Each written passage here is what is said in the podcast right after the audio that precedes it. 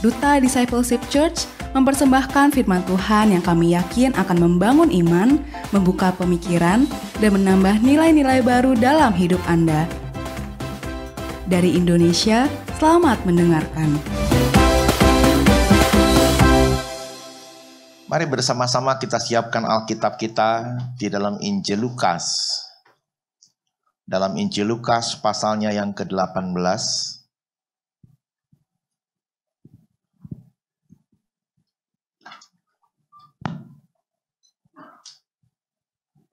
Lukas pasal yang ke-18 ayat 1 sampai dengan ayat yang ke-8 perumpamaan hakim yang tak benar. Kita akan membaca ayat-ayat ini satu perikop saling bergantian. Saya akan baca lebih dulu ayat 1, kemudian Bapak Ibu ayat 2 dan kita berselang-seling selanjutnya. Jika tiba pada ayat 8 atau ayat terakhir kita membacanya sama-sama. Yesus mengatakan suatu perumpamaan kepada mereka untuk menegaskan bahwa mereka harus selalu berdoa dengan tidak jemu-jemu. Silakan.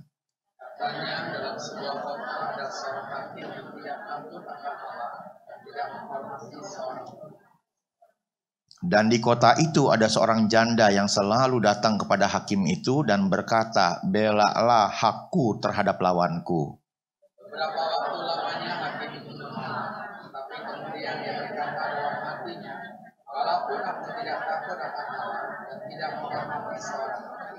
namun karena janda ini menyusahkan aku, baiklah aku membenarkan dia supaya jangan terus saja ia datang dan akhirnya menyerang aku.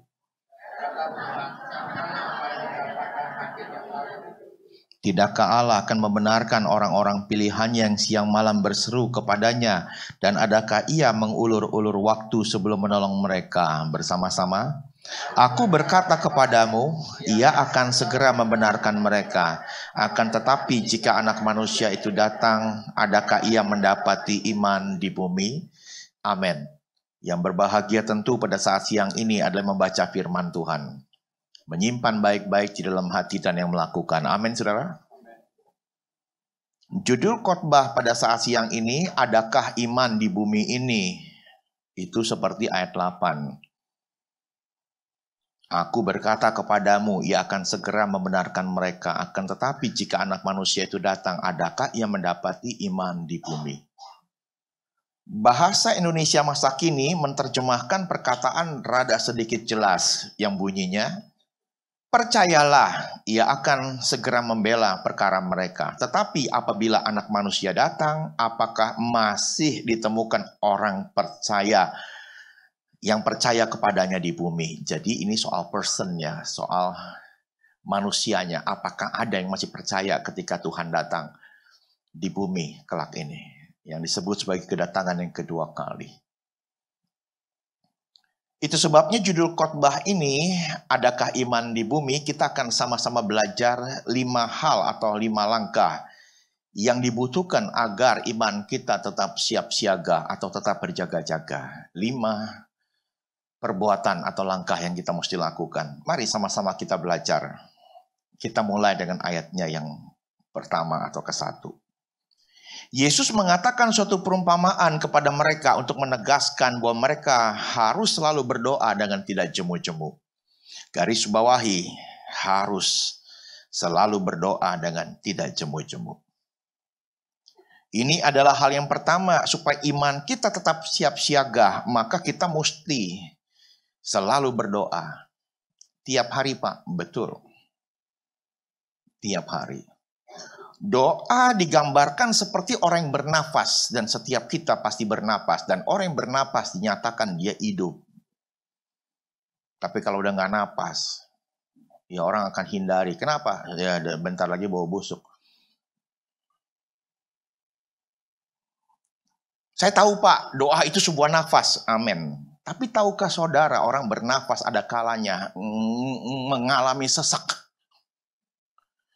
sampai akhirnya dilarikan ke rumah sakit dan diberikan bantuan dan kemudian beberapa orang mesti menekan dadanya dan itulah suatu emergensi. Jadi artinya kalau kita sadar doa itu sebuah nafas, dia mesti diusahakan, jangan sampai berhenti. Yang setuju bilang amin. Kadang-kadang kita butuh orang lain untuk bantu support kita, untuk bantu impartasi kita, untuk bantu kasih pengajaran, memperbaharui kembali cara bernafasnya. Nggak apa-apa deh, yang penting lancar lagi, amin. Lancar lagi. Kita mesti selalu berdoa seperti keintiman pasangan suami istri. Dan saya percaya kalau kita bicara keintiman sudah sering kita dengar. Tapi yang saya ingin katakan bahwa keintiman itu jarang berisik. Lebih banyak silent. Jarang teriak-teriakan. Dengar gak sih? Ngerti gak sih? Katanya kalau orang teriak berarti hatinya sedang jauh. Makanya teriak. Tapi kalau orang ngomongnya bisik-bisik berarti hatinya sedang dekat. Amin, saudara. Amin. Keintiman diwarnai bagaimana kita mesranya sama Tuhan dalam hal sifatnya seperti tadi. Doa itu seperti sebuah bisikan. Kadang-kadang nggak banyak kata-kata, cuman tapi air mata. Ada simbol-simbol yang mewakili lebih daripada kata-kata, yaitu ekspresi kasih kita. Dan kalau sebuah keintiman nggak kepengen tergesa-gesa. Udahan, udahan, udah 5 menit, 10 menit, lama amat sih, udahan. Kadang-kadang kita untuk bersekutu sama Tuhan, ah, lalu terbatas waktunya. Cuma 5 menit pak, sorry pak, nggak sempat lama-lama. Nyambi deh sambil di mobil ngedengerinnya, doanya. Sambil, sambil jalan deh, kenapa mesti disambi? Kenapa mesti disambi? Kenapa mesti tergesa-gesa? Kalau kita sampai berani menginvestasikan yang istilahnya menyisikan waktu buat Tuhan, saya percaya itu bukti kasih kita kepada Tuhan. Setuju bilang amin. Karena merelakan bagian yang penting dari hidup kita, kita serahkan dengan bangun lebih pagi, otomatis bisa lebih lama doanya. Padahal kita juga sedang beruberan ini, kepengen buru-buru berangkat. Tapi saudara menyediakan waktu itu. Dan saudara mencoba untuk tidak tergesa-gesa. Itulah keintiman yang sedang dibangun. Masih soal selalu berdoa, ini bicara mengenai sepasang dayung pada perahu. Jadi kita mesti kayu bersama-sama.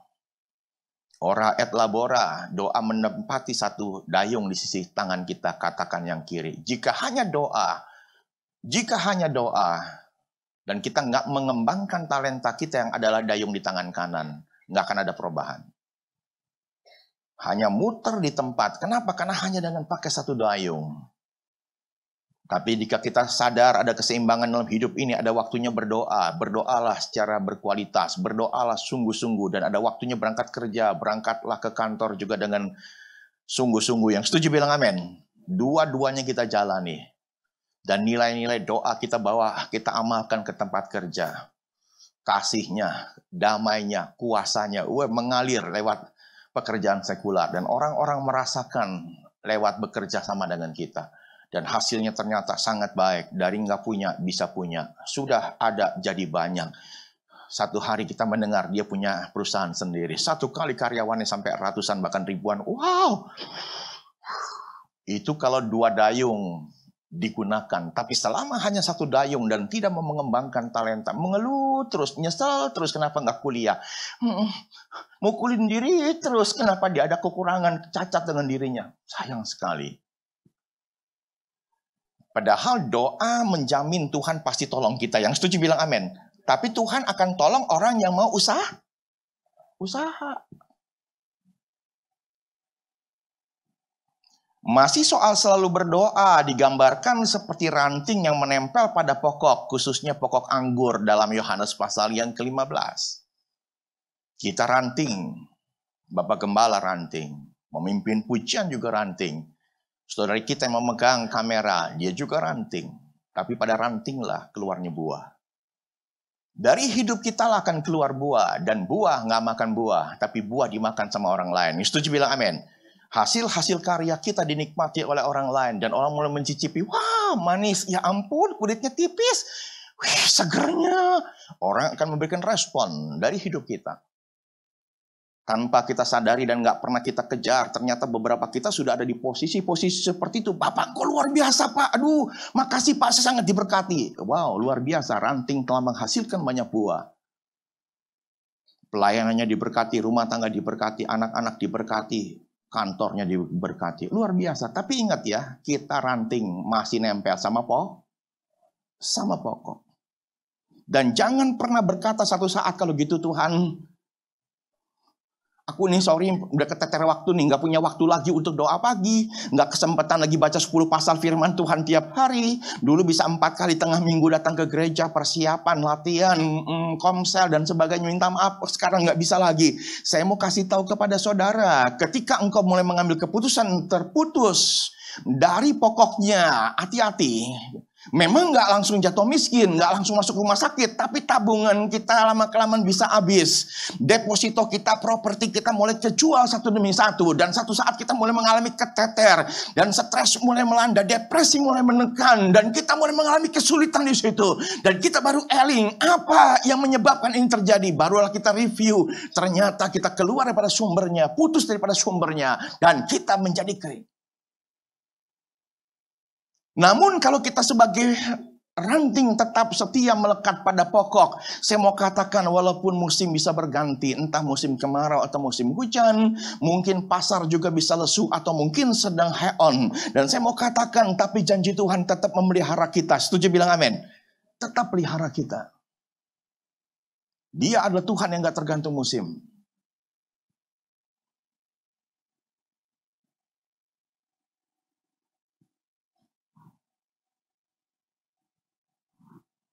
Doa adalah kebutuhan yang sangat penting dan buktikan kalau itu penting. Sisihkan waktu kita, bukan disisakan. Ya, pulangnya lebih awal nih Pak. Makanya saya bisa doa. Kalau pulang nggak lebih awal, ya nggak bisa Pak. Waktu kan di bawah kuasa kita. Kalau kita anggap doa itu penting, kita akan bela-belain untuk tetap bisa doa. Yang setuju bilang amin. Tapi kalau waktu sudah menjadi sesuatu di atas kepentingan dan kita jadikan alasan, ya pada akhir orang berkata, sorry deh pak, minta maaf tolong dimengerti, ini kota Jakarta macetnya kayak apa. Kalau kita anggap doa itu penting, turun dari mobilmu naik gojek, tetap bisa sampai di gereja. Tapi kalau memang doa nggak penting, walaupun udah sampai di Duta Garden, diputar satu kali lagi. Doa dan setiap orang berdoa, para pemimpin berdoa, jemaat berdoa. Waduh Pak, Pentakosta tuh khotbahnya ya Pak, pasti karismatik. Saya mau bicara mengenai seorang bapak, sebut aja nama simbolnya Lukas. Dia bukan orang Pentakosta atau karismatik, dia seorang Katolik, tapi dia suka berdoa.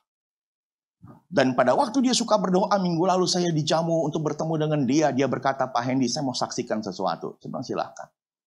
Waktu saya sedang berdoa dan berdoa dan berdoa, tiba-tiba Tuhan kasih sesuatu, kirim email ke bos lu. Hah? Ini adalah cucunya dari Eka Cipta, pemilik Sinarmas. Kirim email. Waduh, dia tahu kalau sampai kirim email berbau kekristenan, mengajak percaya kepada Yesus, hukumnya adalah dipecat. Tapi dia bisa tahu ini suara Tuhan, ini passion yang dari Tuhan. Dan dia mulai buka email, dia mulai ketik, tapi dia nggak kirim. Besok dia komplitin lagi, dia kurangin. Besok begitu lagi, satu minggu lewat. Dan roh Tuhan di dalam dia lewat satu doa di pagi hari dengan jelas. Kirim sekarang.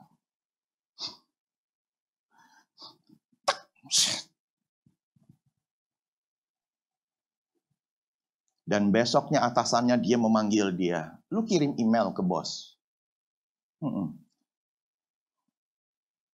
Lu nginjil ya? Enggak langsung sih, cuman mau bilang aja. Yesus itu baik. Lu sama lu, bunuh diri lu. Gue dipanggil gak mau bos. Dan gue disuruh mencat lu. Kan bener kan? Tapi kata teman kita ini si Lukas, Pak waktu saya ngedengar kata-kata itu, kok bisa saya nggak takut? Ya kalau memang itu nggak ada pilihan ya udah. Tapi saya dapat itu dari Tuhan. Karena Tuhan mau nyelamatin dia dan atasannya ini Kristen.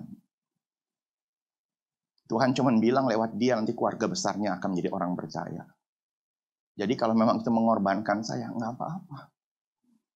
Dan waktu itu mendekati akhir tahun untuk mengisi KRS atau orang-orang mulai dinilai, dia akan naik gaji 3% kah, 5% kah, atau berapa. Dan atasannya ini melihat punya hati yang luar biasa dari anak buahnya ini si Lukas. Atasannya kemudian membuat sesuatu yang tidak biasanya. Di KRS itu dia usulkan ini naik gaji 20%.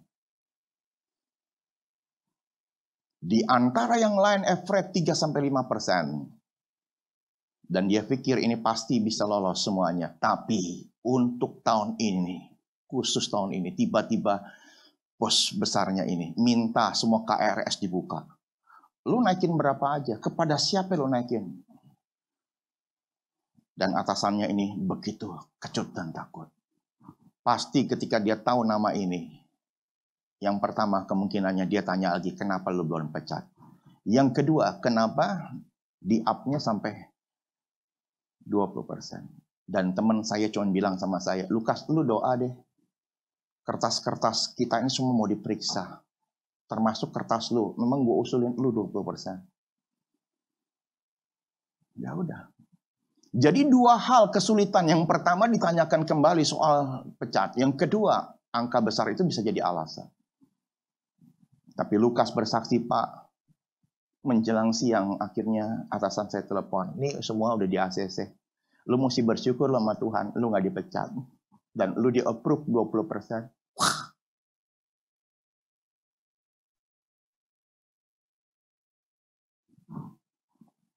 Bulan depan anniversary dia punya pernikahan yang ke-19.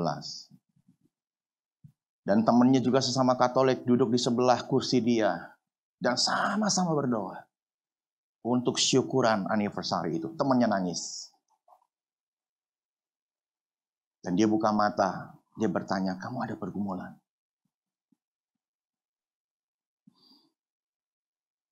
Ngomong ada apa? Yesus datang, tau nggak di acara lu? Yesus datang. Duduk di sebelah lu. Itu orang yang suka berdoa bisa mendapatkan penyataan seperti itu. Saya nggak bicara mengenai orang Pentakosta atau karismatik. Terus terus. Tuhan Yesus nanya saya, suruh tanya lu, lu mau kado apa? Mau minta kado apa? Saudara, coba. Kita dikasih kebebasan memilih. Unlimited. Tapi spontan Lukas bilang. Bilangin aja sama Tuhan. Saya kepengen hidup nyenengin hati dia. Enggak yang lain. Nah, temennya berdoa lagi. Dan temannya bilang, Lukas lima hari lagi kadonya sampai. Lima hari lagi. Jaga guyon. Thank you, thank you, thank you. Makasih bro. Hari kelima. Lukas ada di kantor, istrinya dipanggil ke Pacific Place. Ternyata istrinya mendang undian belanja. Dapat Mazda tipe MX atau berapa itu? Yang harganya 800 juta dua kursi only dan dua pintu. Dan bukanya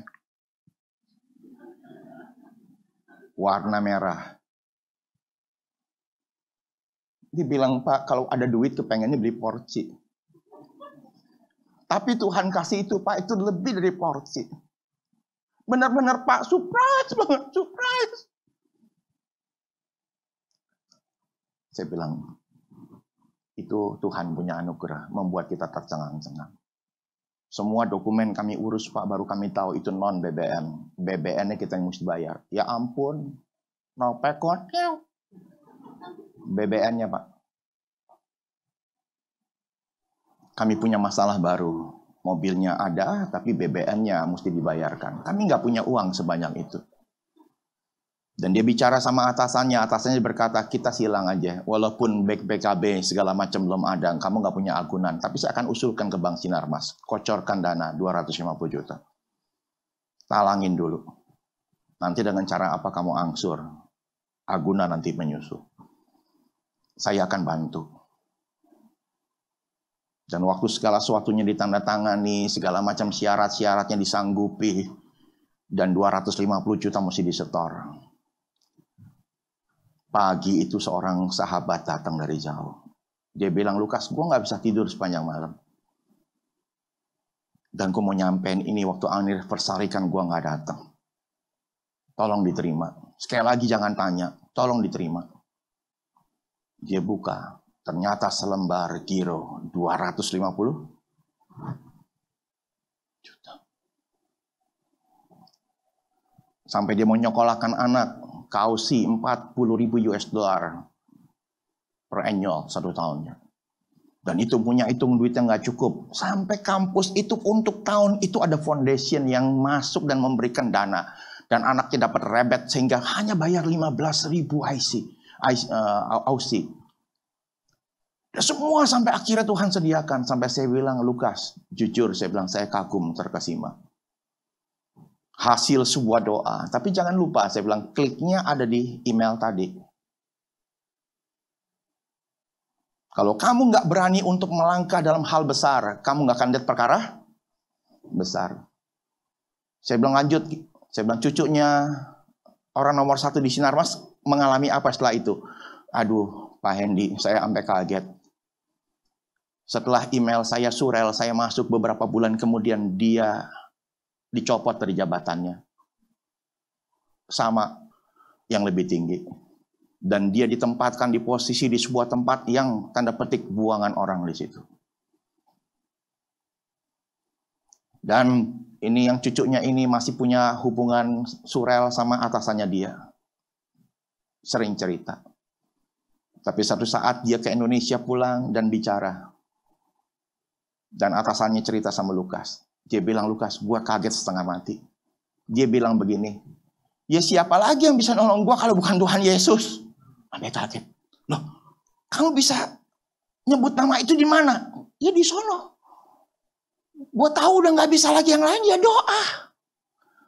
Ya ke gereja. Ya gue percaya nggak ada yang mustahil bagi Yesus. Amin saudara. Keluar kalimat-kalimat itu. Sesuatu yang sangat sulit. Tapi doa memberikan tuntunan yang begitu kuat. Dan Lukas berkata, Pak, saya nggak ngerasa orang yang paling berjasa. Tapi lewat cucunya ini, keluarga ini begitu banyak yang menjadi orang percaya. Saya bilang, luar biasa. Mari kita melangkah dalam hal yang kedua. Makanya tadi jangan jadikan doa sebagai ya kalau sempat. Jangan. Harus disempat-sempatin. Pada ayat 2 katanya dalam sebuah kota ada seorang hakim yang tidak takut akan Allah dan tidak menghormati seorang pun. Ini sebuah perumpamaan dan kita semua sedang belajar di sini. Perumpamaan ini menjadi unik karena kita belajar dari dua kutub yang berbeda. Dan setiap orang punya yang namanya kutub kekurangan dan kelebihan. Kita sedang belajar dalam dua kutub ini.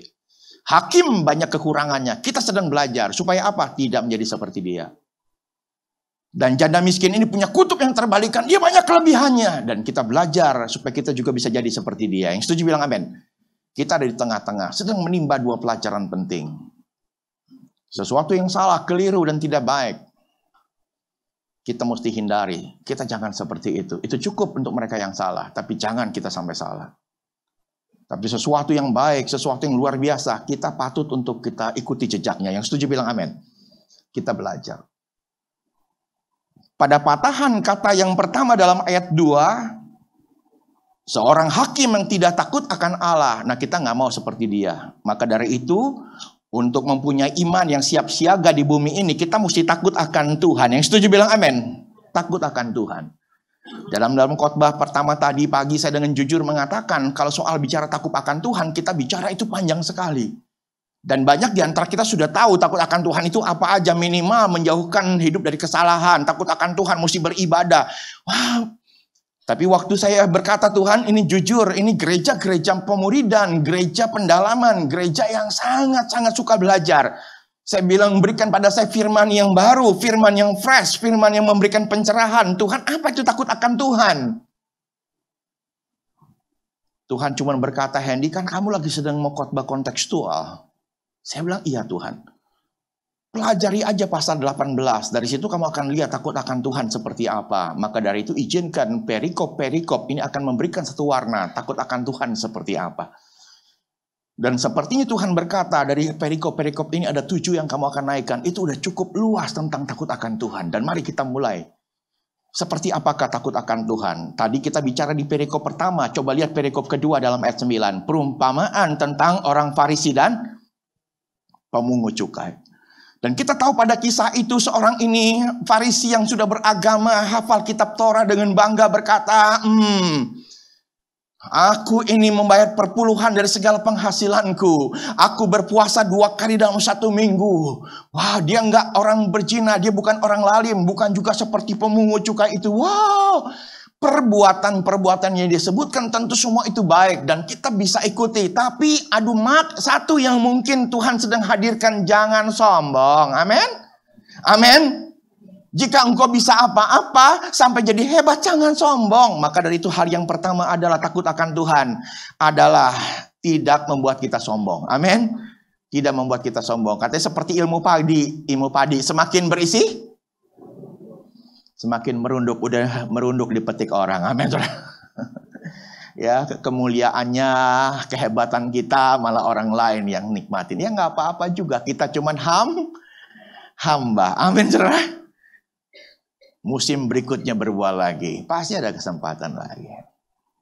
Perikop berikutnya adalah Yesus memberkati anak-anak. Itu ayat 15 sampai dengan ayat 17. Dan kita tahu kisah ini ketika beberapa keluarga membawa anak-anaknya kepada Tuhan. Dan Tuhan siap menyambut. Tetapi murid-murid berkata, jangan, jangan, jangan, jangan. Dan ngomel. Marahin. Ada dua versi. Yang pertama marahin anak ini karena anak-anak relatif bikin mm, ribet. Anak-anak suka bikin kacau. Ada yang versi lain memarahi orang tuanya. Kenapa bawa anak-anak ke sini?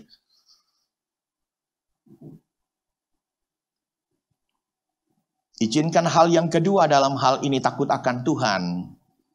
Tidak akan berlaku kasar kepada siapa pun. Baik dalam hal kata-kata, baik dalam sikap, atau dalam hal memberikan energi.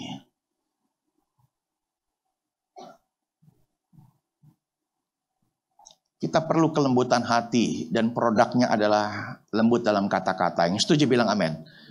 Lembut dalam kata-kata. Supaya tidak melukai orang lain. Tidak membuat orang akhirnya menjadi batu sandungan. Tersandung oleh karena kita. Coba kita lihat dalam perikop selanjutnya ayat yang ke-18 sampai dengan ayatnya yang ke-27. Orang kaya sukar masuk kerajaan Allah. Dan kisah ini tentang seorang muda yang sukses hidupnya. Dia bertanya tentang hidup yang kekal, bicara mengenai kerajaan Allah. Dan dia berkata, aku berzina tidak melakukan hukum Taurat dengan sungguh-sungguh dan sebagainya. Tuhan cuma selentingan berkata, jual semua hartamu ikut aku. Waduh, Alkitab menulis sedihlah dia. Dan kemudian berbalik badan meninggalkan Tuhan. Apa yang kita petik dalam hal takut akan Tuhan? Orang yang takut akan Tuhan tidak akan cinta uang. Yang setuju bilang amin. Tidak akan cinta uang. Saya perlu uang. Saudara juga masih perlu uang. Tapi jangan sampai cinta cinta uang. Demi uang mati-matian akhirnya kekurangan waktu untuk keluarga, nggak ada waktu lagi untuk Tuhan, yang lebih celaka lagi nggak ada waktu untuk merawat kesehatan. Untuk uang, untuk uang sampai punya uang, bahkan sampai kaya gara-gara uang. Uh, ya tadi dalam khotbah pertama saya katakan kalau saudara mungkin dari uh, arah Ancol, Yosudarso menuju ke Cawang, itu di pintu tol masukan Pulau Mas, berhentilah sebentar. Ada spanduk besar yang masih dipakai sampai kemarin. Di atas pintu tol. Kok boleh Pak? Ya boleh karena kalangan mereka. Di situ muncul satu sosok dan saya tahu sosok ini dulunya adalah seorang yang bukan muslim. Dan dia berdarah Tionghoa seperti kita. Tapi namanya Yusuf Hamka. Sampai berhenti dan saya pernah berapa kali ke situ sampai saya ceritakan sama sopir saya. Saya bilang sok itu kata-katanya luar biasa. Dan saya ceritakan kepada anak saya dan anak saya berkata pak itu spanduknya masih ada. Kemarin saya pulang keluar tol masih ada tuh. Apa tulisan spanduk itu? Tiga kalimat. Yang pertama dia berkata jika kita hanya mengumpulkan harta selama hidup ini harta itu akan jadi rebutan dan hanya akan jadi warisan Tentu maksudnya ketika kita mati. Nggak ada yang bawa harta ke dalam kubur. Atau ke dalam peti. Nggak ada. Tapi setelah kita mati, jadi rebutan. Jadi warisan. Kalau rebutannya bisa akhirnya sepakat sehati. Kalau rebutannya sampai pukul-pukulan, sampai saling bunuh. Wah. Kalimat yang kedua, jadi tadi harta yang dikumpulkan akan jadi rebutan dan warisan. Yang kedua, harta yang dimakan akan dibuang ke jambat. Waduh, beli ini, beli ini, makannya juga sekarang tambah mewah. Wah, udah nggak lagi gesek yang 100 ribuan. Wah, sekali gesek 2 juta. Tetap akan dibuang ke dalam jamban. Pendeta Yakob Nahawai pernah berkata, saya pernah dijamu makanan di Singapura dan itulah sperma ikan paus. Satu mangkok kecil 15 juta. Kalau saya yang ditawarin, saya bilang, Pak, keringnya aja dah. Itu satu bulan bayar anak-anak SMP. Kami punya sekolah, operasionalnya per bulan 13 juta. Jadi jangan berikan saya sperma ikan paus. Itu belum tentu ketelan. Tapi 15 juta cash, ini saya bisa kirim ke Mentawai menghidupi ada sekitar 70 anak-anak SMP dan ada sekitar 140 anak-anak SD. 200 lebih. Dan kita punya 17 orang guru dan satu kepala sekolah. Yang ketiga, harta yang disedekahkan, yang dibagikan kepada fakir miskin atau orang-orang yang tidak punya akan kembali diberkati Tuhan. Yang setuju bilang amin. Wah luar biasa dia kenal yang namanya tabur tuai. Ini luar biasa saudara. Tapi memang nggak bisa dipungkiri banyak sekali orang-orang luar yang mengadopsi khotbah di bukit. Mario Teguh banyak mengutip khotbah di bukit. Beberapa dakwah-dakwah di rumah ibadah banyak mengutip khotbah di bukit. Apalagi yang dulunya memang mantan Kristen. Bahkan seorang Mahatma Gandhi mengagumi khotbah di bukit. Dan dia berkata ini sesuatu yang sangat lengkap dalam khotbah Tuhan Yesus ini. Tapi sayang kalau kita yang di dalamnya, kita nggak hidup dalam khotbah-khotbah Tuhan ini. Siapakah yang takut akan Tuhan yang tidak cinta uang? Berarti menyadari ada bagian jadi roti yang bisa kita makan. Tapi 2 Korintus 9 mengatakan ada juga yang jadi benih, mesti ditabur lagi. Yang setuju bilang amin. Kalau sampai benihnya, bijinya ditelan juga sakit nanti.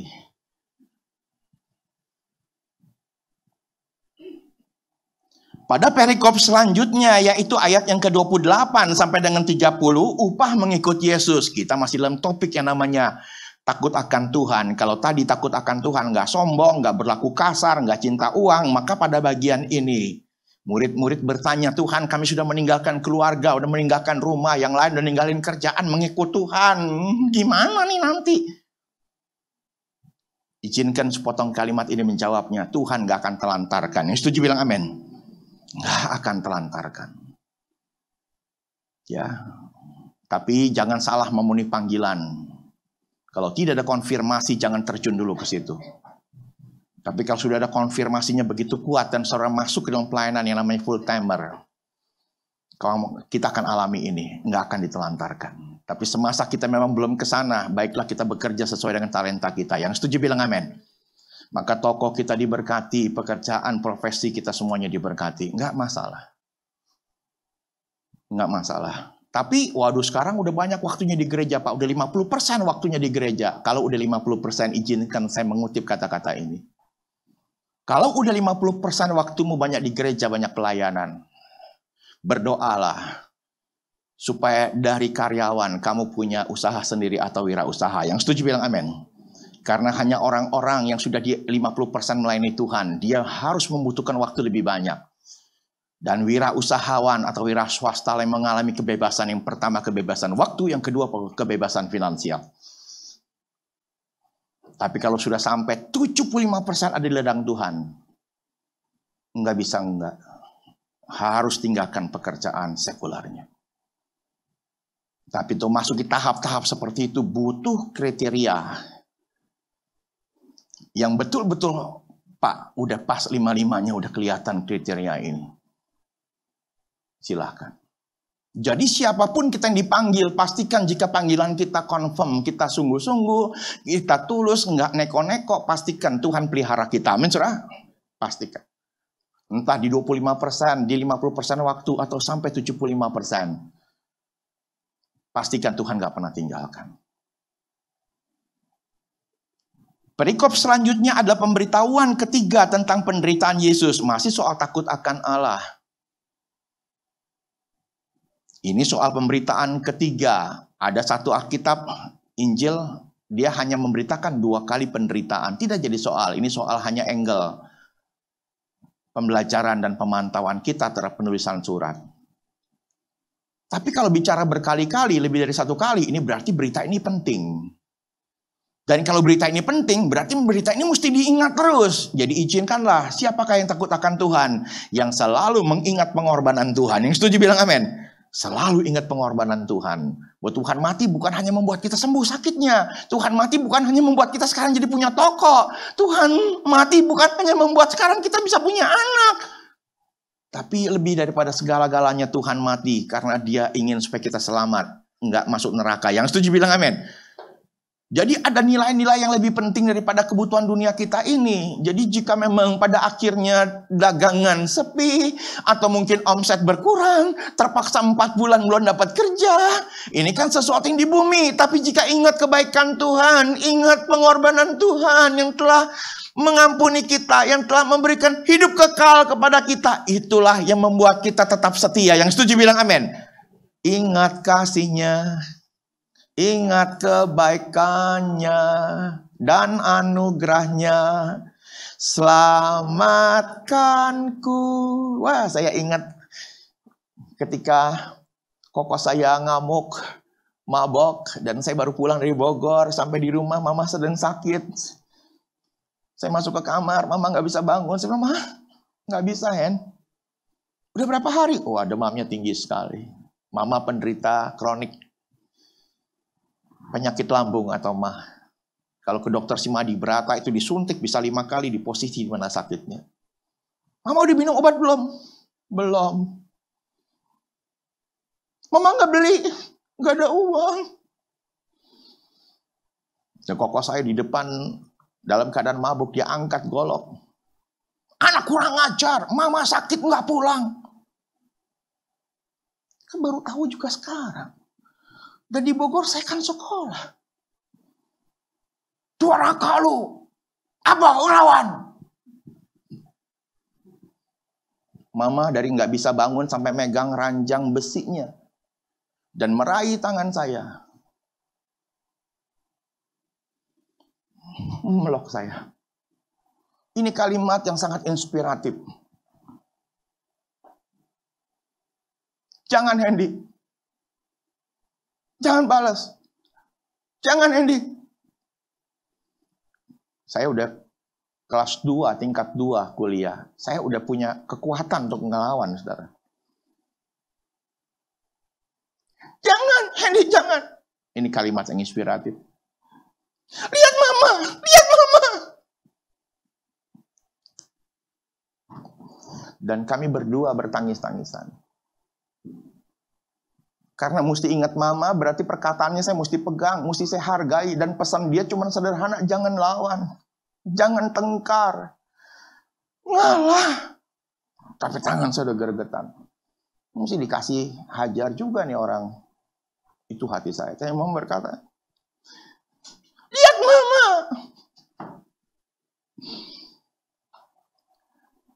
Nah, ketika kokoh saya mulai cool down, saya keluar memutuskan untuk membeli obat. Tapi nggak ada uang, Pak. Jalan jam 11 malam keluar dari gang sempit di rumah saya. Terus ke bioskop Johar baru. Tapi ramainya bioskop sudah bubar. Mau ke mana nggak tahu, tapi mau beli obat. Karena obat andalannya dokter Simadi berapa yang pertama adalah polisilen. Yang kedua stroken, kemudian satunya lagi obat ulcesium. Dua, tapi polisilen harus ada. Syukur kalau ada tiga. Tapi ke mana? Apotek sudah pada tutup. Yang kedua nggak punya uang. Di tengah, nggak tahu mau beli apa. Cuma satu lagu yang saya ingat pendeta Ben Suriton menciptakannya itu dan Paniko menyanyikannya. Allah yang bela siapa lawan dia jalan aja. Dia lewatin bioskop Johan. Sebuah sepeda motor mendekati saya. Ojek, ojek.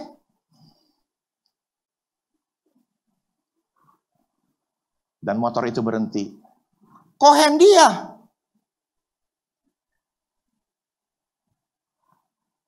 Ya, anak sekolah minggu saya punya papa. Rupanya malam-malam itu nyambi ngojek. Kok ini mau ke mana? Mau ke apotek. Gak ada apotek di hari sini mah pada tutup. Buat siapa? Mama lagi sakit. Titi murni buka, titi murni. Yuk naik yuk. Dalam hati saya mateng, diantarin ini. Bayarnya bagaimana? Nanti beli obatnya gimana? Ya udah gonceng aja. Obatnya apa? Saya bilang itu yang pertama porisilen, yang kedua ucesium, yang ketiga stroken. Oh catetin lah catetin. Oh nggak usah dicatat cuma ingat. Pas turun dari motor. Ini ambil kertas catat. Aduh ntar bayarnya gimana? Waktu dia ngelihat saya nyatet, dia yang maju ke bagian penerimaan resep. Dan obat itu bisa dibeli umum. Saya nunggu dengan deg-degan, takutnya barangnya datang deh, hand duitnya.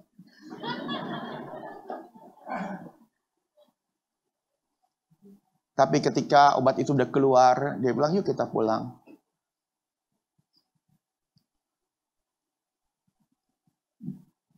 Itu udah dibayar. Pak, udah? Oh, saya cuma berpikir zaman itu kan bisa beli setengah resep, bisa beli seperempat resep. Kalau kita ngerasa kemahalan. Saya bilang itu untuk ya sesuai dengan yang kamu bilang. Kebutuhannya 12, yang itu 12, yang itu satu botol. Oh, dia beli semua. Diantarkan sampai ke depan rumah. Saya bilang, gimana nggak gantinya? Gak usah. Kamu bantu anak-anak aja juga nggak ada yang bayar. Saya bikin bimbel di sekolah, di, di sekolah minggu.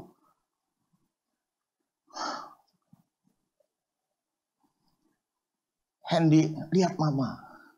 Ingat mama, jika kita lihat ke dunia, kita bisa kecewa. Tapi kalau kita ingat ke Tuhan dan pengorbanannya, kita jadi kuat lagi. Amin, saudara? Jadi kuat lagi.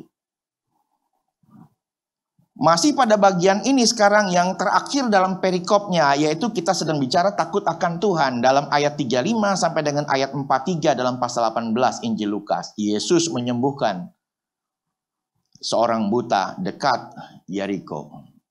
Dan tokoh ini bernama Bartimeus yang ketika mendengar Yesus mau lewat, dia bertanya, itu siapa? Itu Yesus mau lewat. Oh, matanya buta tapi telinganya tidak tuli. Mulutnya tidak bisu. Dan dia berteriak, Yesus! Yesus! Anak Daud!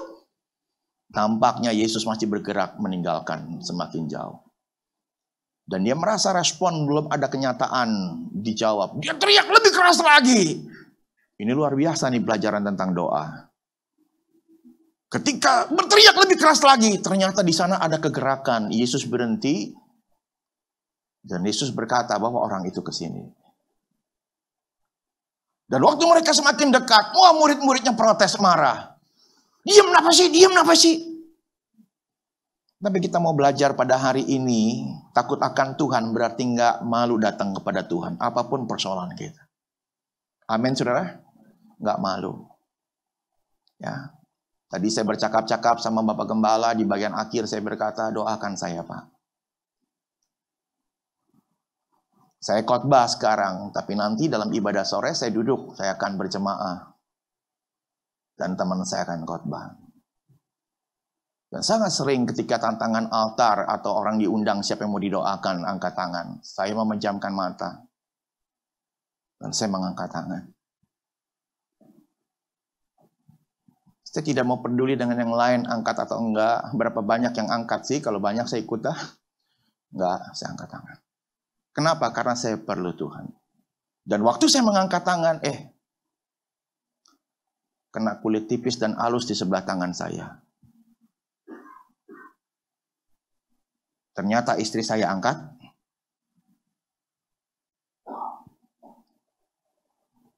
Kalau andai kata besok perjalanan ke Mentawai, cuman andai kata. Maka ini gereja terakhir di hari ini yang saya kunjungi, besok saya akan berangkat. Maka saya akan peluk Bapak dan berkata, Pak, taruh tangan Bapak untuk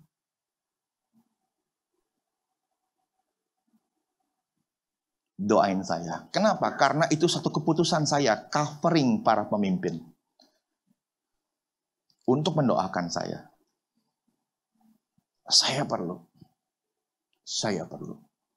Pak Hendi kan suka khotbah, Pak Hendi kan suka doain orang, apa nggak malu?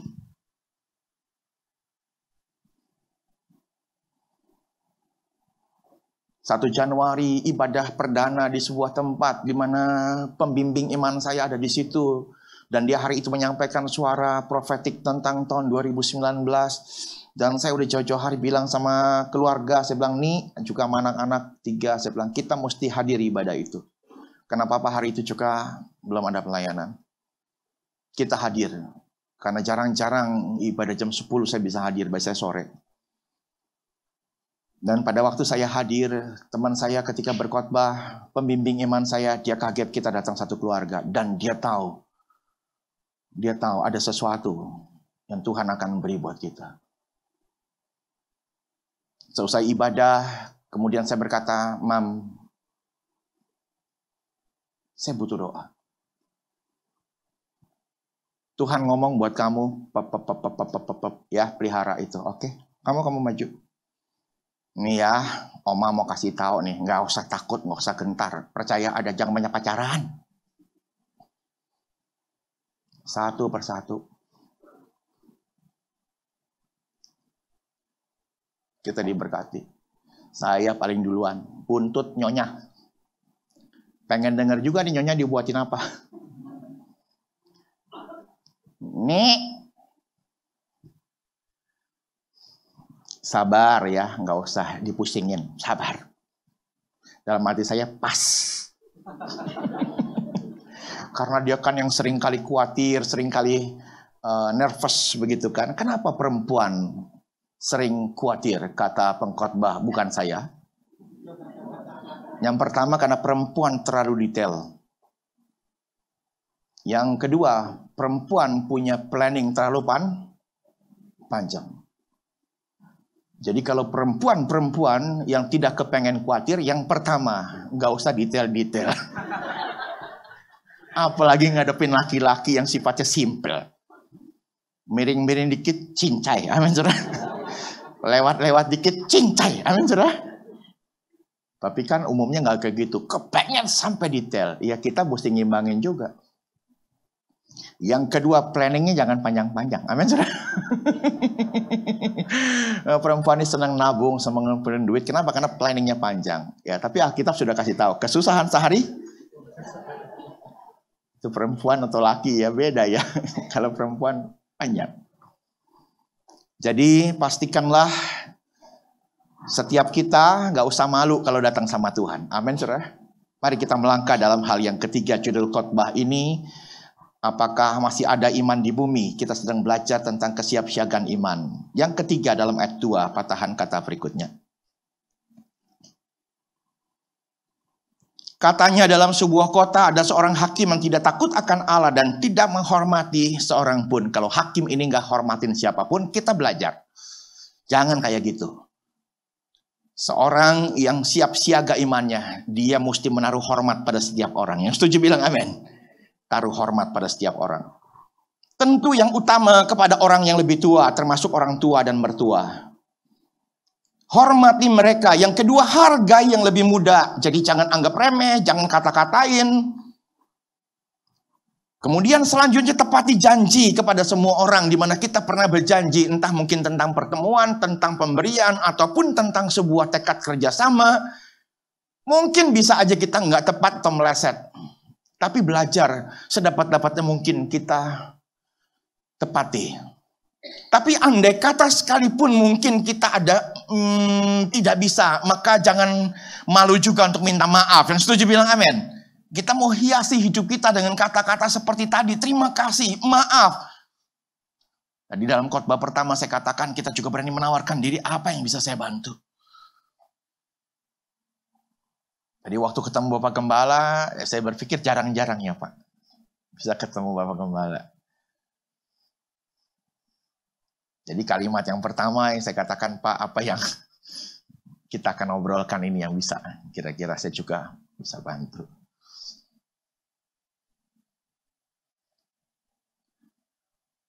Paul Taksi Barani mengatakan kalimat indah kalau kita menghormati semua orang. Kalau jalan mbok permisi. Yang setuju bilang amin. Kata Pak Paul Tak. Kalau kita nggak permisi kayak kedebong pisang yang dianyutin air. kita bukan kedebong pisang. Amin saudara. Jadi kalau lewat tentu ada orang di kiri, ada orang di kanan, ada yang lebih muda, ada yang lebih tua. Ya apa salahnya? Permisi kok. Pak, tuan sedikit om. Oma, permisi.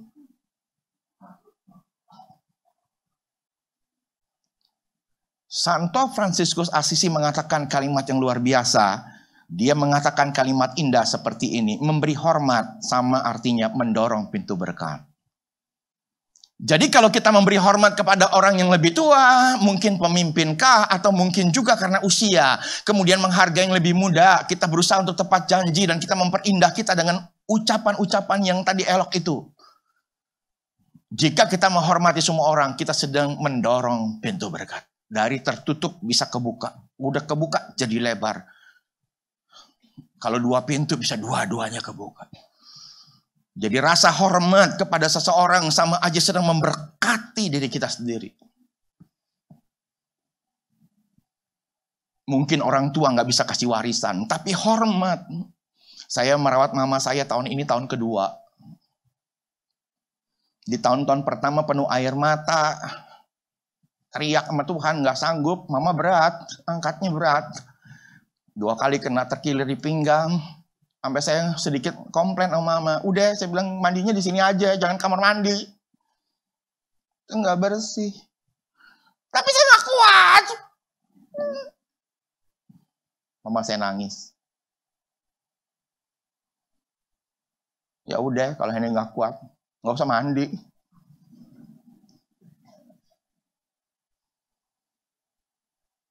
Saya khotbah, orang bertanya, Hendy masih ngerawat mama? Masih. Beruntung. Itu anugerah. Masa? Lihat semua orang yang pernah ngerawat orang tuanya, hidupnya selalu diberkatin Tuhan. Hah? Nih, ngalamin. Sampai malah nggak ada. Ketemu di tempat lain.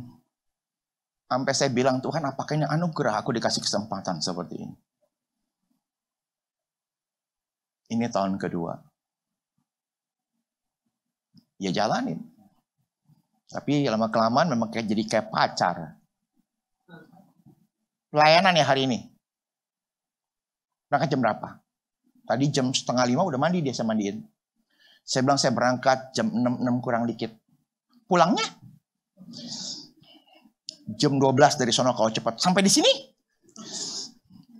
Jam 1. Hmm, Kenapa sih mah nanya kayak pacar aja? uh, gak apa-apa. Emangnya nggak boleh? Uh, dia menabar senyum. Uh, ya saya desak lagi. Kenapa sih mah? Enggak, kepengen aja ngomong jam 2 kan jadwal kencing. ah, mau ngomong gitu aja kok susah saya bilang. Mama nggak mau pakai pampers. Saya bilang oke. Okay. Janji ya satu hari ini nggak pakai pampers ya. Seperti kemarin kan bisa nggak pakai pampers. Oke. Okay. Jadi doakan saya jam 2 sebelumnya udah di rumah. Dan rasanya satu prestasi kalau satu hari nggak pakai pampers. Tapi waktu tahun-tahun pertama saya bilang Tuhan, jujur saya nggak kuat. Tapi sekarang sudah masuk ke tahun kedua, lebih bisa menikmati.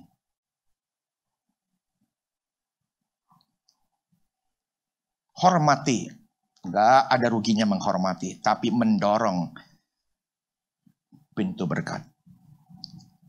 Ayat 3 sampai dengan ayat 5 ini di bagian keempat dalam rangkaian khotbah adakah iman di bumi? Kita sedang bicara siap siaganya iman. Tadi yang pertama harus selalu berdoa. Yang kedua takut akan Tuhan. Yang ketiga kita harus menghormati semua orang sekarang yang keempat kita harus selalu merendahkan diri dalam ayat 3 ada perkataan janda yang selalu datang kepada hakim itu. Tuh jandanya datang terus. Ini sesuatu ketekunan yang kita perlu tiru. Jadi izinkanlah hal yang pertama merendahkan diri dibuktikan dengan rindu berjumpa dengan Tuhan secara pribadi. Berjumpa dengan Tuhan secara pribadi. Kita harus punya kerinduan. Berjumpa dengan Tuhan secara pribadi. Dimulai dengan mezbah di rumah kita sendiri. Berjumpa dengan Tuhan secara pribadi. Wah ini luar biasa. Banyak orang berjumpa tapi caranya berbeda-beda. Kalau hakim ini datang jam 8, ternyata janda itu datangnya jam 10, itu juga berjumpa. Tapi kesannya udah berbeda. Pak Hakim, tolong saya Pak, tolong saya Pak.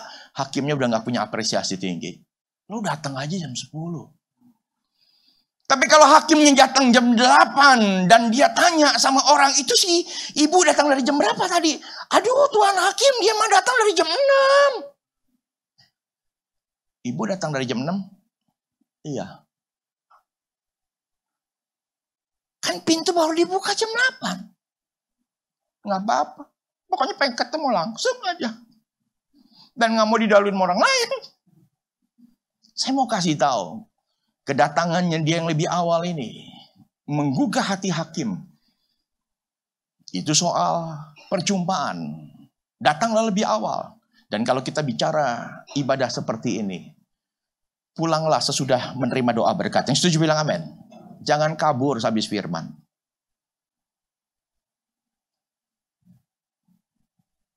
Dan masih dalam hal yang sama, kita mesti fokus sepanjang kita menikmati Tuhan. Kita mesti fokus.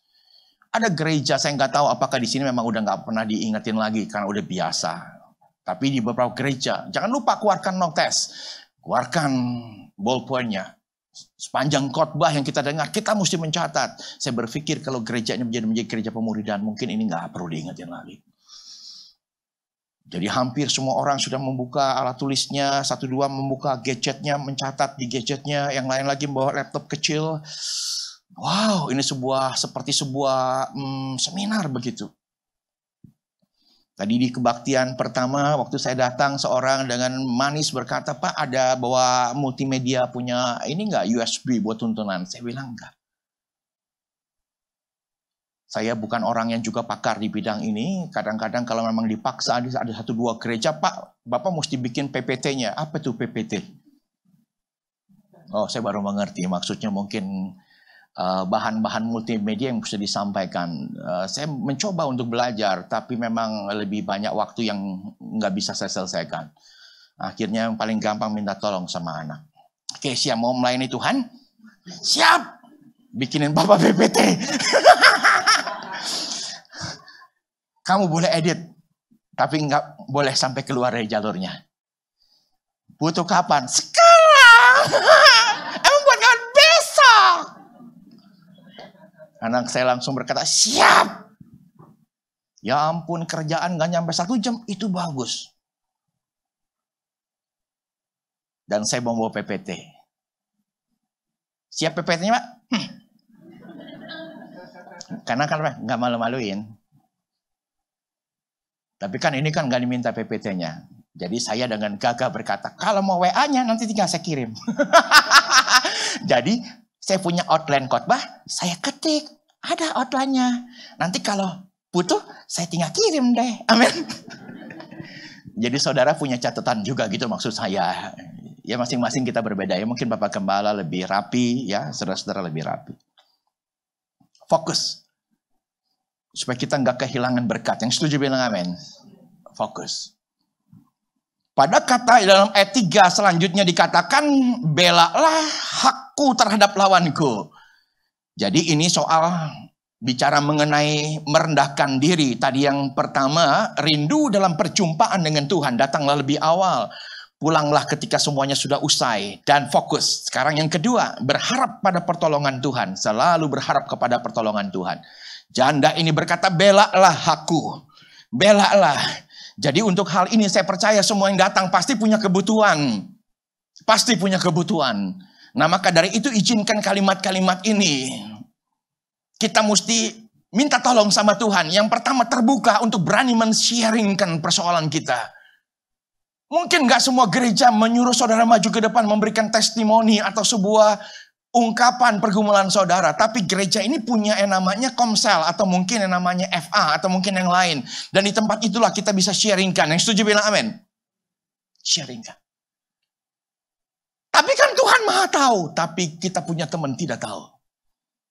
Pemimpin kita tidak tahu. Itu sebabnya wajar kalau kita kasih tahu bahwa kita sedang ada pergumulan. Misalnya bulan ini terakhir dan kemudian bulan depan kita nggak tahu apakah masih dipanggil lagi kerja.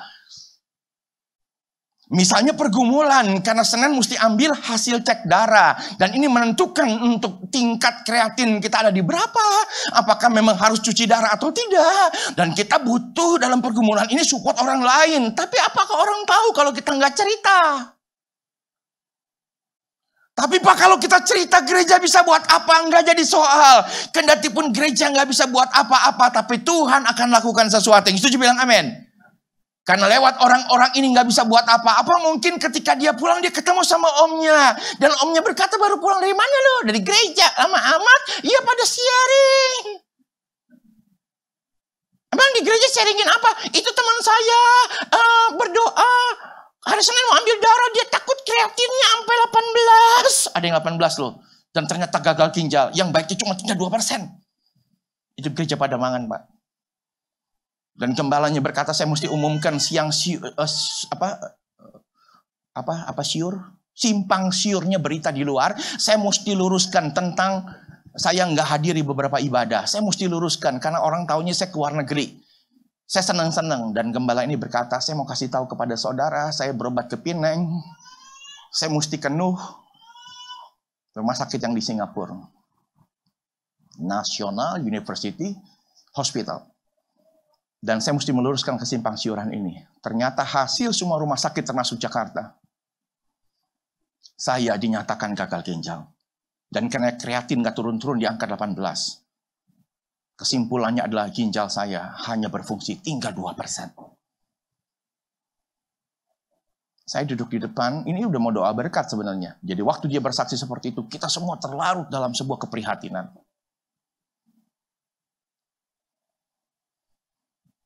Dan dia berkata, saya tahu kalau udah tinggal 2%, waktu tinggal sedikit. Tapi saya minta belas kasihan sama Tuhan, minimal salah satu dari anak saya. Saya bisa ngelihat dia merit. Istri saya di belakang sampai nangis.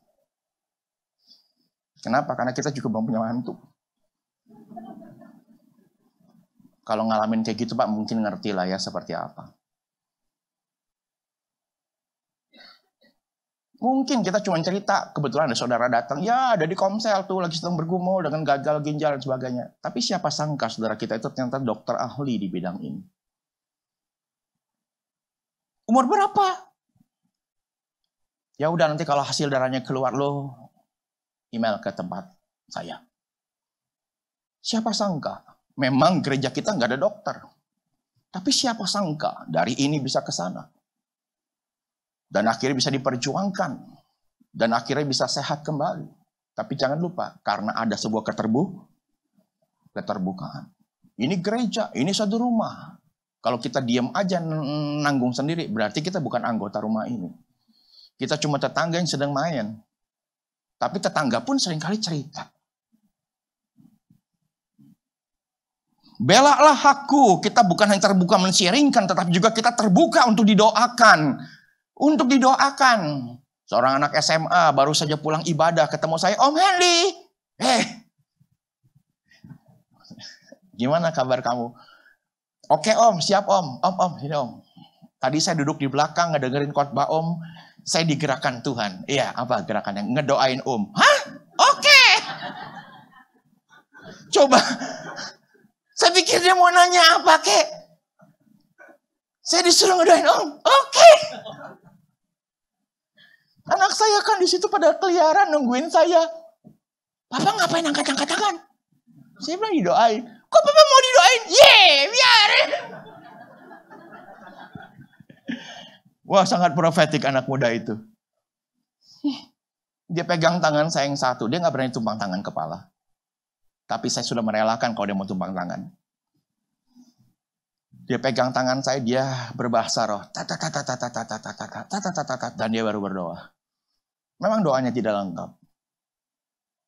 Tapi doa-doanya sangat luar biasa. Dia nggak berani pakai perkataan, kamu harus begini, kamu begini. Enggak.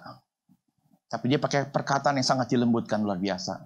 Kiranya om tetap kuat, Kiranya Om pergi-pergi jauh tetap dalam perlindungan Tuhan. Kiranya Om sembuh dari sakit yang Om sedang alami di beberapa hari ini. Semua pakai kata Om. Itu sangat kontekstual. Amin. Gitu aja Om, sorry ya. Dia bilang thank you banget, saya bilang. Nah, yang biasa kalau udah di mobil, istri yang interogasi didoain apa sih pak? Saya bilang ya nggak tahu. Saya bilang semuanya kan Tuhan yang kepengen nyatain sesuatu kepada saya. Saya bilang pas nggak? Pas nggak? Saya bilang ya ada yang memang sedang dialami, tapi ada sebuah message tentang perjalanan dan sebagainya. Itu kan belum dijalanin, tapi udah dikasih tahu. Dan satu lagi saya bilang, saya kan nggak batuk, nggak pilek di mimbar ini. Tapi kok dia bisa tahu saya sakit? Saya bilang itu luar biasa. Dan dia bilang Tuhan akan sembuhkan. Saya bilang amin. Dia bukan dokternya, dia bukan pastornya. Tapi dia hanya segera memberikan konfirmasi. Kita bukan hanya terbuka untuk mensharingkan, kita bukan hanya sedia untuk didoakan, tapi kita juga harus sedia untuk diarahkan. Kamu salah, mesti berbalik ke sini. Siap. Dan satu lagi, kita bukan hanya siap untuk diarahkan, tapi kita juga siap untuk dirubah Tuhan. Yang setuju bilang amin. Harus siap untuk berubah. Selama kita nggak siap untuk dirubah, nggak akan terjadi sesuatu yang besar. Nggak akan terjadi. Tapi satu perubahan lain membuat sesuatu akan gempa, akan goncang. Akan terjadi percepatan, revolusi. Semua ketika kita mau berubah. Dari cara bangunnya siang, sekarang bangun pagi. Tadi tadinya berdoa cuma ala kadar, sekarang berdoa betul-betul disiplin. Seperti Tuhan katakan, apakah engkau nggak sanggup berdoa bareng satu jam? Dan kita penuhi kuota itu. Saya mau kasih tahu, dari sesuatu yang salah kita mau berubah, pasti akan ada goncangan. Entah goncangan buah matang itu pada bergugur, kita tinggal ambil baskom-baskom atau keranjangnya, atau mungkin Eh, hal-hal yang lain, jiwa-jiwa mungkin yang kita perlu tuai. Dan begitu banyak dalam minggu itu orang-orang bisa kita layani. Dan begitu mudah mereka terima Yesus. Sampai kita kaget. Masih pada ayat yang keempat, kita pada topik di mana kita belajar untuk merendahkan diri tadi. Rindu dalam perjumpaan dengan Tuhan. Yang kedua, selalu berharap pertolongan Tuhan. Yang ketiga, kita mesti sabar menanti jawaban Tuhan. Kalimat dalam ayat 4, beberapa waktu lamanya hakim itu menolak. Beberapa waktu lamanya. Datang belum dilayanin, datang bilang nggak bisa sekarang, datang bilang nggak, nggak, nggak, nggak. Wah ini berjalan sudah berbulan-bulan, bahkan beberapa bertahun-tahun. Belajar untuk sabar, belajar untuk sabar. Dan sabar itu artinya tidak marah. Sabar itu nggak perlu tawar hati karena keinginan kita belum terrealisasi. Makanya kita tawar hati, udah berhenti berdoa. Udah Stop semua jadwal-jadwal. Jangan, itu namanya orang tawar hati. Dan jangan kecewa sampai pindah gereja, bahkan mengungkapkan unek-unek yang buruk tentang gereja kita sebelumnya. Ngapain seperti itu? Jangan kecewa. Tapi belajarlah untuk tidak meragukan Tuhan dan mempercayai bahwa apa pun hasil doa sampai sekarang ini pasti itu adalah yang ter yang terbaik. Saya pinjam kesaksiannya pendeta Edi Leo Tadi kita bicara mengenai Yakob Esra. Seorang di power karakter. Kami mendapatkan blessing yayasan kami di mentor sama dia pada waktu rapat kerja di tanggal 11 dan 12 Januari 2019. Dan beliau punya pergumulan, cucunya umur dua setengah bulan menderita bocor jantung. Dan cacat pada sebagian mukanya. Semua berdoa, semua berjuang, bahkan rumah sakit terbaik, dokter terbaik sudah diupayakan dan dia hadir dalam rapat hari pertama di tempat kita. Kalimat-kalimatnya yang luar biasa dia berkata, untuk pertama kalinya saya membantu yayasan. Seperti ini. Free of charge. Gak dibayar. Padahal ketua kami memakai dia sebagai konsultan ekonominya. Konsultan bisnisnya. Itu setengah M satu tahun. Yang kedua dia berkata, Pastor, you tadi menyampaikan khotbah. Dan salah satu butir yang you sentuh. Dia patut menyebut saya you. Saya jauh lebih muda, lebih junior, lebih abal-abal. You bicara mengenai tawar hati. Dan you sampaikan tawar hati dalam empat, ah, sorry, dalam tiga sisi. Yang pertama orang yang eh, tawar hati. Keinginannya tidak terkabulkan. Yang kedua, kebaikannya dibalas dengan kejahatan. Yang ketiga, di saat sendiri tidak ada yang menemani. Orang bisa mengalami tawar hati. You tahu nggak waktu you khotbah itu? Saya nunduk. Dan saya menangis.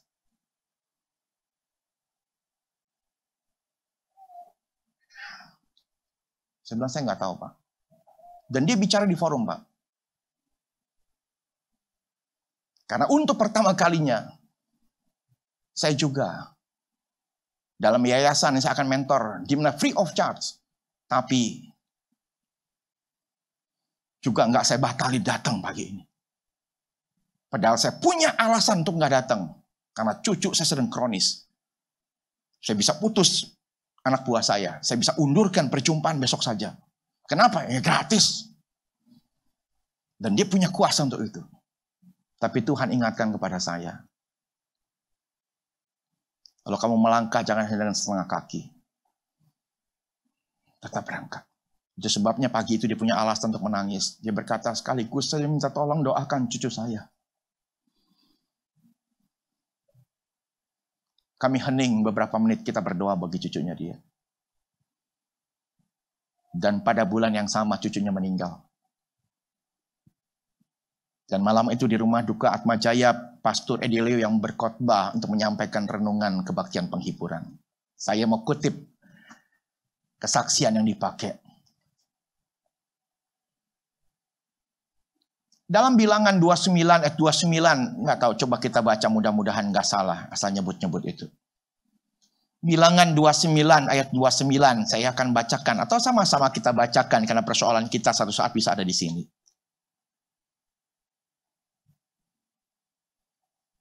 Ya. Kan apa kan kalau nggak dibaca mesti salah saudara. Ulangan saudara 2929. Minta maaf ya, dimaafkan kan? Maafkan ya. Ulangan 2929 sama-sama yuk mari 1 2 3. Hal-hal yang tersembunyi ialah bagian Tuhan Allah kita. Tetapi hal-hal yang dinyatakan ialah bagi kita dan bagi anak-anak kita sampai selama-lamanya supaya kita melakukan segala perkataan hukum Taurat itu. Jadi ada hal-hal yang dirahasiakan Tuhan, memang kita nggak bisa tahu sekarang. Tapi ada hal yang memang Tuhan nyatakan, di mana kita tahu sekarang. Tapi ada hal sampai menutup mata juga kita nggak tahu. Cuma penghiburannya Edilio mengatakan, nanti kalau ketemu Tuhan kita bisa tanya. Dan di situ pun akhirnya kita bisa ta tahu.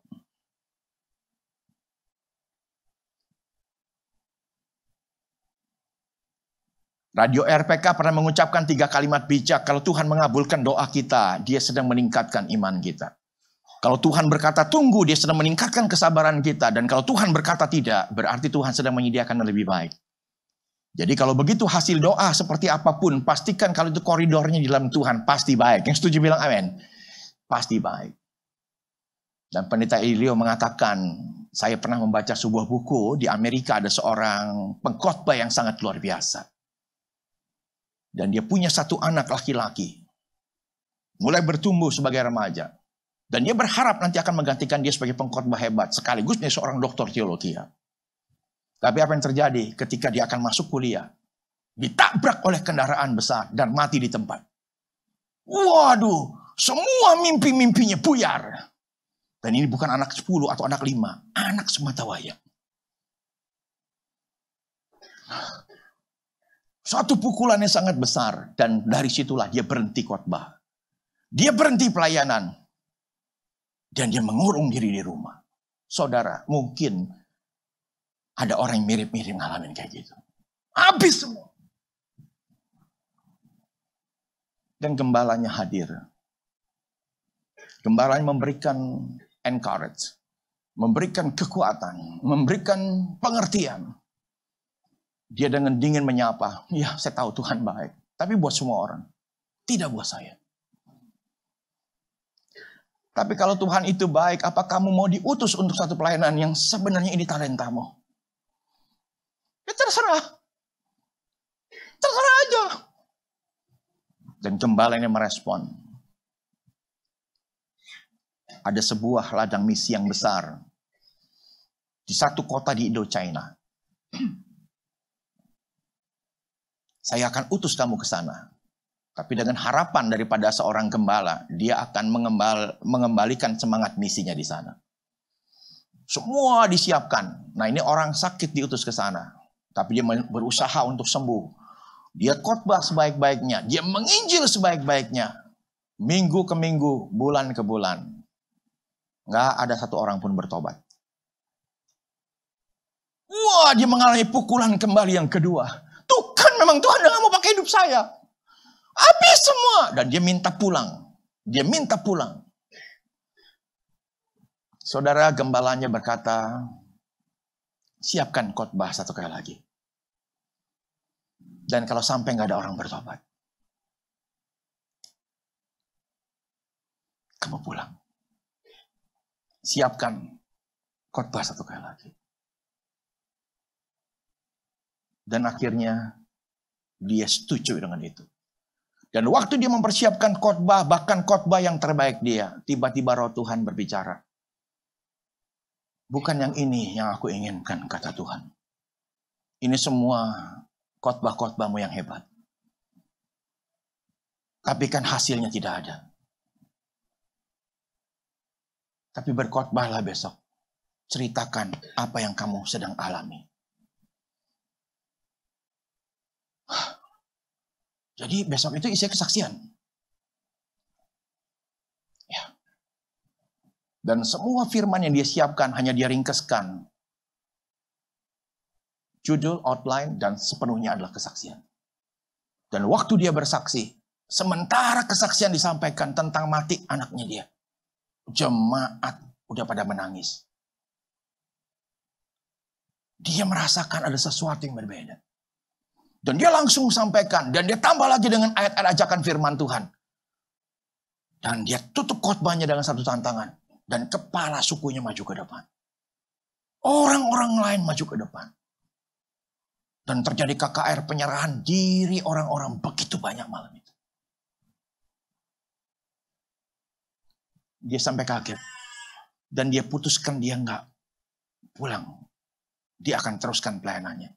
Dia bertanya, Kenapa untuk KKR, KKR, KKR sebelumnya kok nggak ada yang bertobat?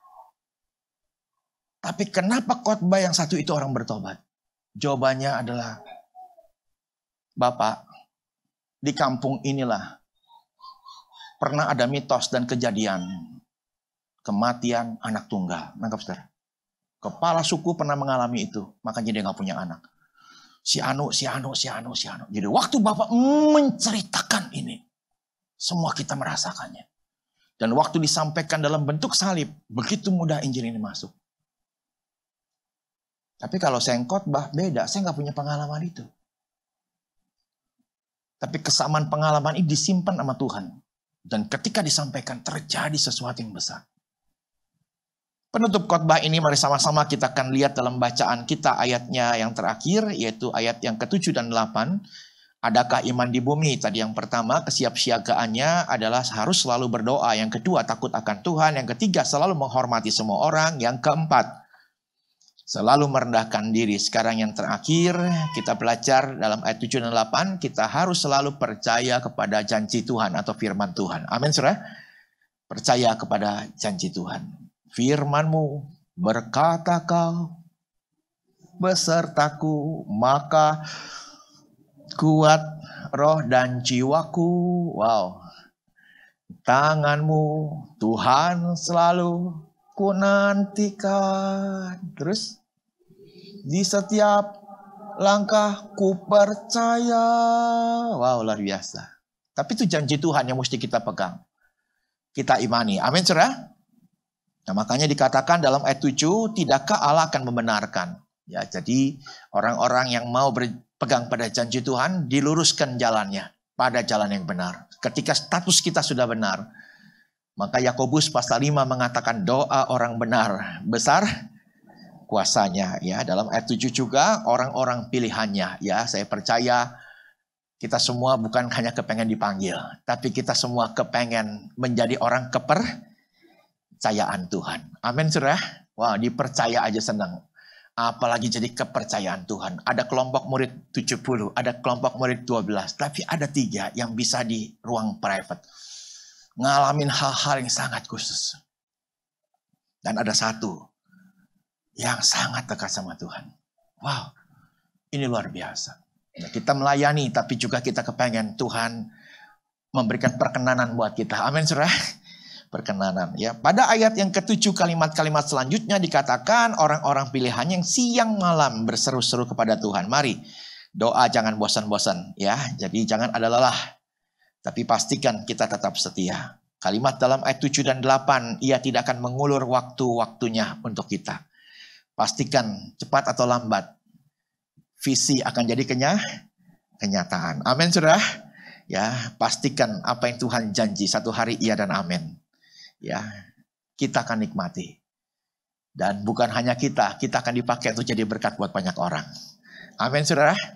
Kuncinya tadi satu, asal kita per percaya. Mari sama-sama kita akan bangkit berdiri.